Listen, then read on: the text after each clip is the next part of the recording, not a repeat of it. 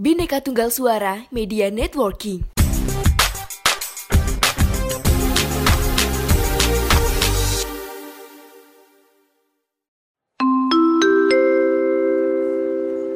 Mohon perhatian.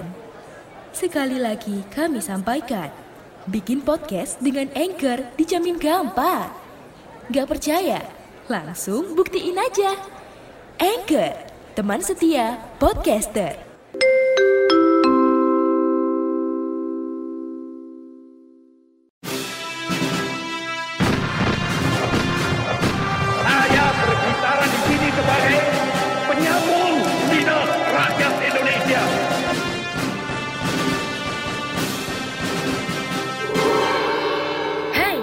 Terima kasih sudah memilih mendengarkan kami, Poseidon. Podcast yang bikin kalian gagal move on.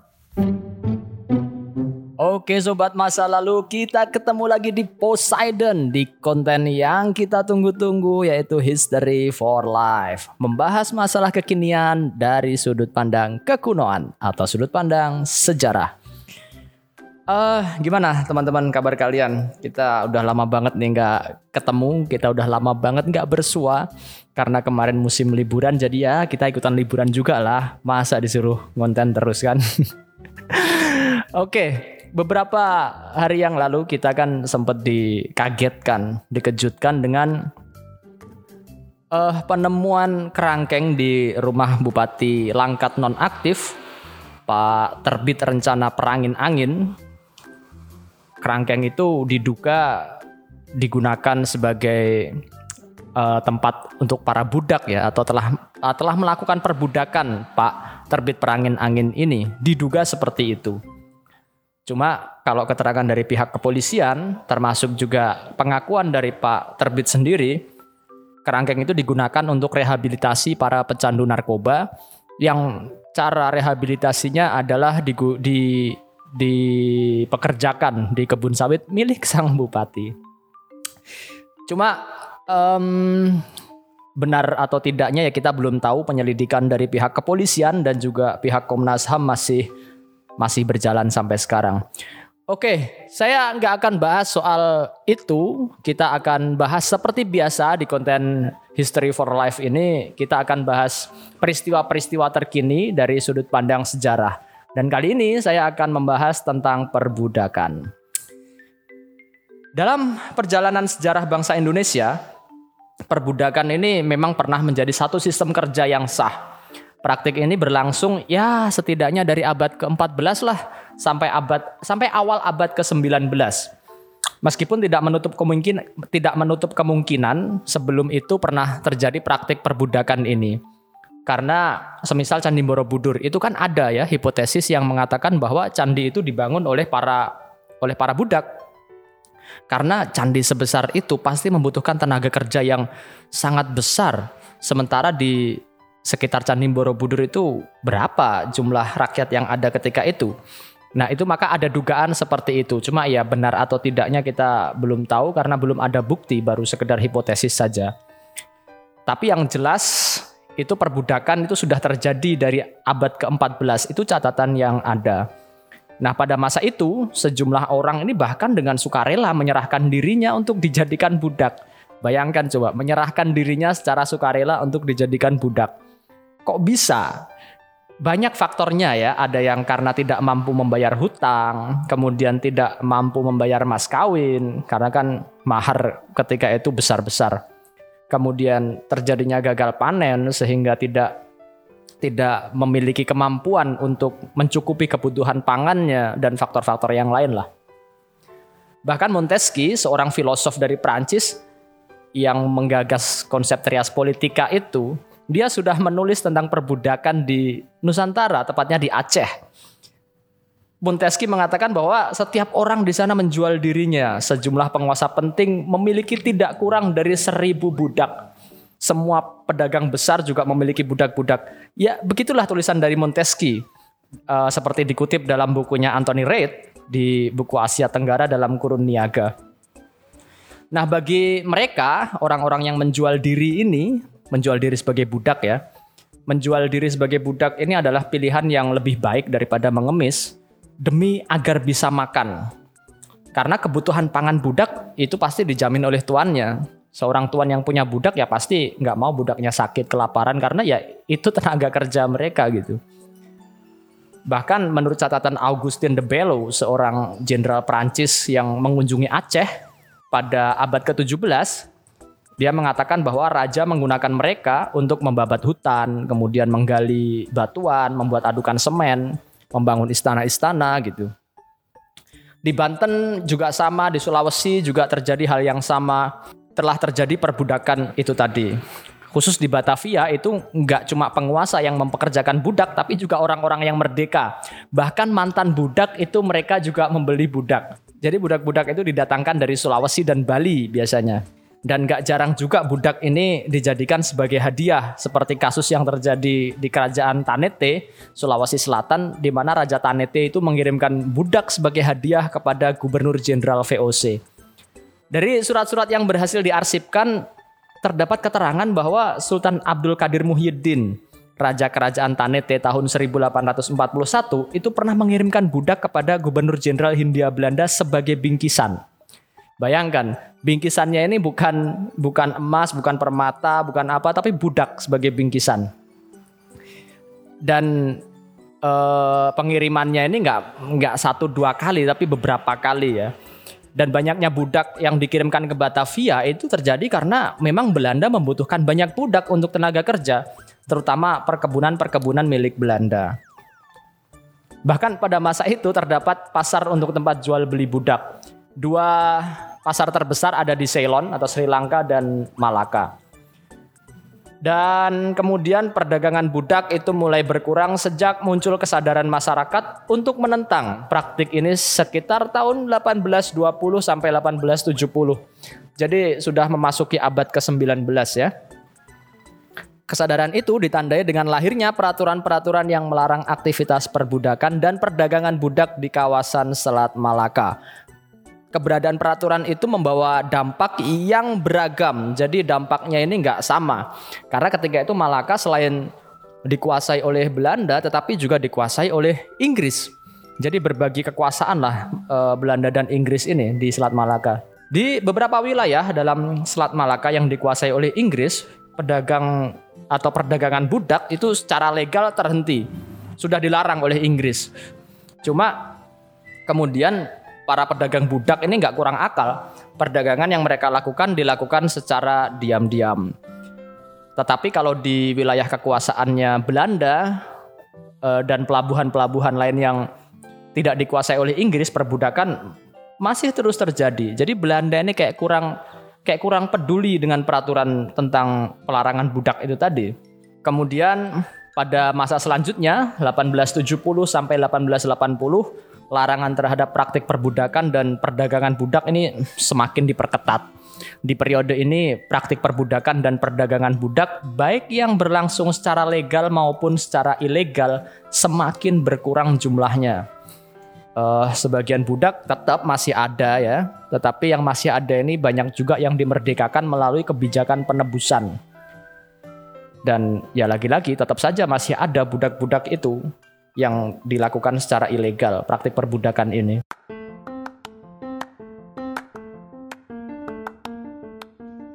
Halo Sobat Poseidon, kalian pasti sudah tidak asing lagi dengan Anchor. Yap, aplikasi penyedia jasa untuk para podcaster pemula dan juga pro.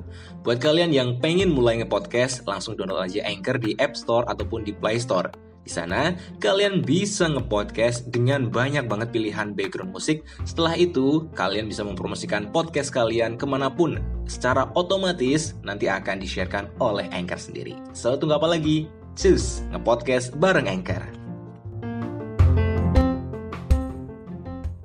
Kemudian ada satu pertanyaan yang menarik ya.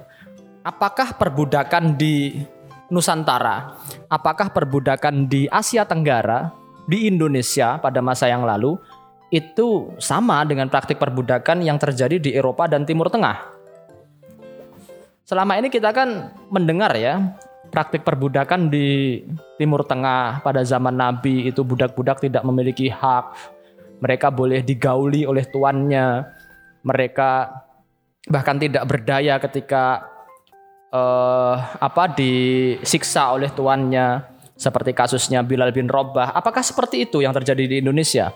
Menurut hasil penelitian dari banyak akademisi, perbudakan di Indonesia memang terjadi, tetapi terdapat perbedaan yang fundamental dengan sistem perbudakan di Eropa dan juga di Timur Tengah, di mana di Indonesia ini ada peraturan bagi para pemilik budak untuk tidak memperlakukan budaknya itu secara sewenang-wenang.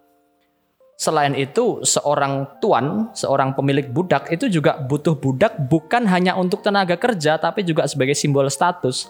Jadi kalau dia punya banyak budak itu status sosialnya itu naik gitu. Nah, penguasaan tenaga kerja itu dipandang sebagai petunjuk kekuasaan dan status yang menentukan. Karena tenaga kerja itu dipandang sebagai sumber daya yang langka. Jadi sumber daya yang langka itu bukan tanah karena tanah melimpah ketika itu. Justru budak inilah sumber daya yang langka itu. Kehilangan budak itu berarti kehilangan status. Maka penguasa atau si tuan dari budak itu berusaha merawat budaknya sebaik mungkin. Tapi sekali lagi itu tidak terjadi di semua kasus. Ada saja budak yang kabur dari majikannya bahkan melawan. Karena ya tentu tindakan sewenang-wenang dari tuannya itu. Dalam buku Hendrik Neymer uh, berjudul Batavia Masyarakat Kolonial Abad ke-17 diceritakan di sana bahwa ada kasus budak yang meracuni dan mencuri tuannya karena perlakuan sewenang-wenang dari sang tuan. Jadi tuannya itu diracun gitu sama si budaknya ini dan kemudian budaknya akhirnya tertangkap juga. Sebaliknya, seorang tuan, seorang penguasa yang berlaku sewenang-wenang terhadap budak itu juga bisa terkena hukuman.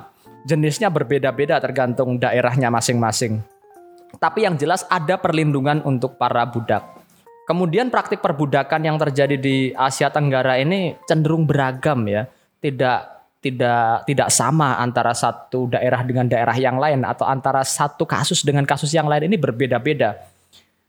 Secara umum ini budak-budak yang ada di Asia Tenggara ini justru dipekerjakan sebagai asisten rumah tangga atau pembantu rumah tangga. Jadi terminologi budak dengan terminologi slave dalam bahasa Inggris ini agak berbeda pemaknaannya tidak jarang seorang majikan itu bahkan mengajari budaknya menjahit, membuat kerajinan tangan, atau juga berdagang supaya mereka bisa menjual hasil karyanya.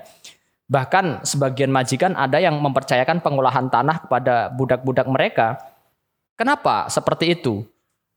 Karena perbudakan yang dipraktikkan di Asia Tenggara ya paling nggak sampai abad ke-18 ini dibagi dalam empat kategori. Pertama budak turun temurun, kedua budak bukan turun temurun, tiga budak sementara, dan empat budak permanen.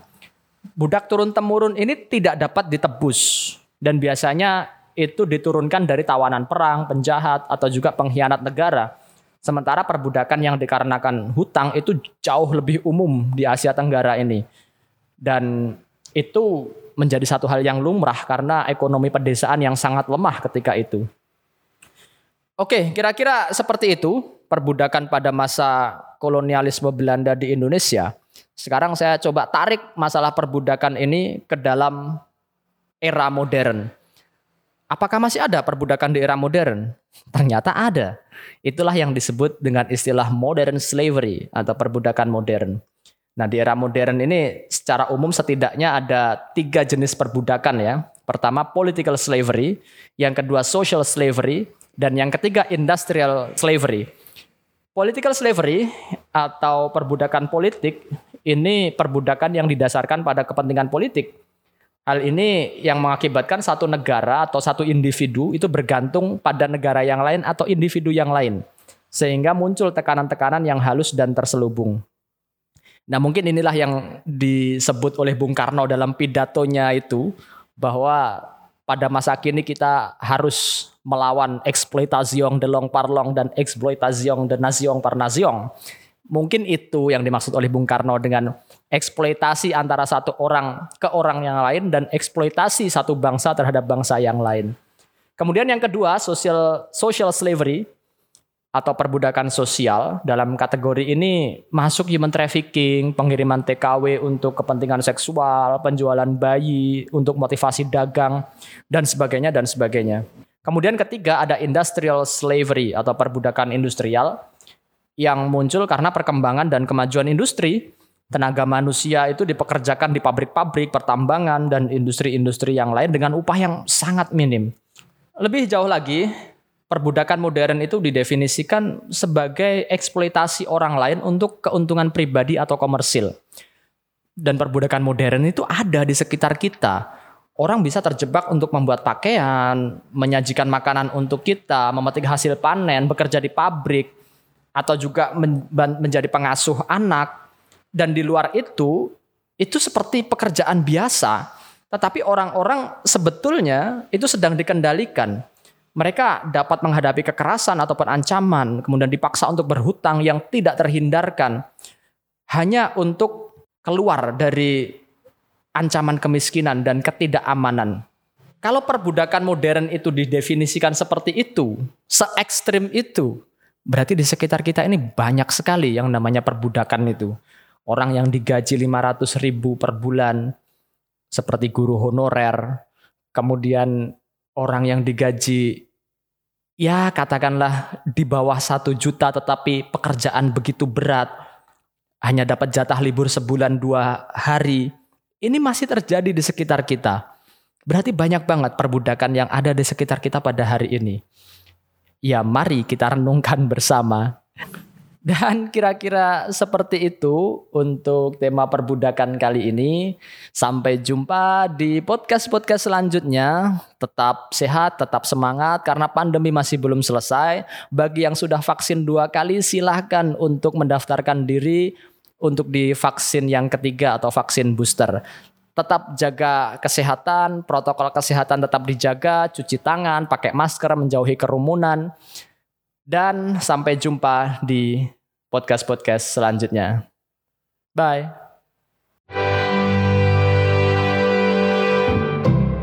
Terima kasih.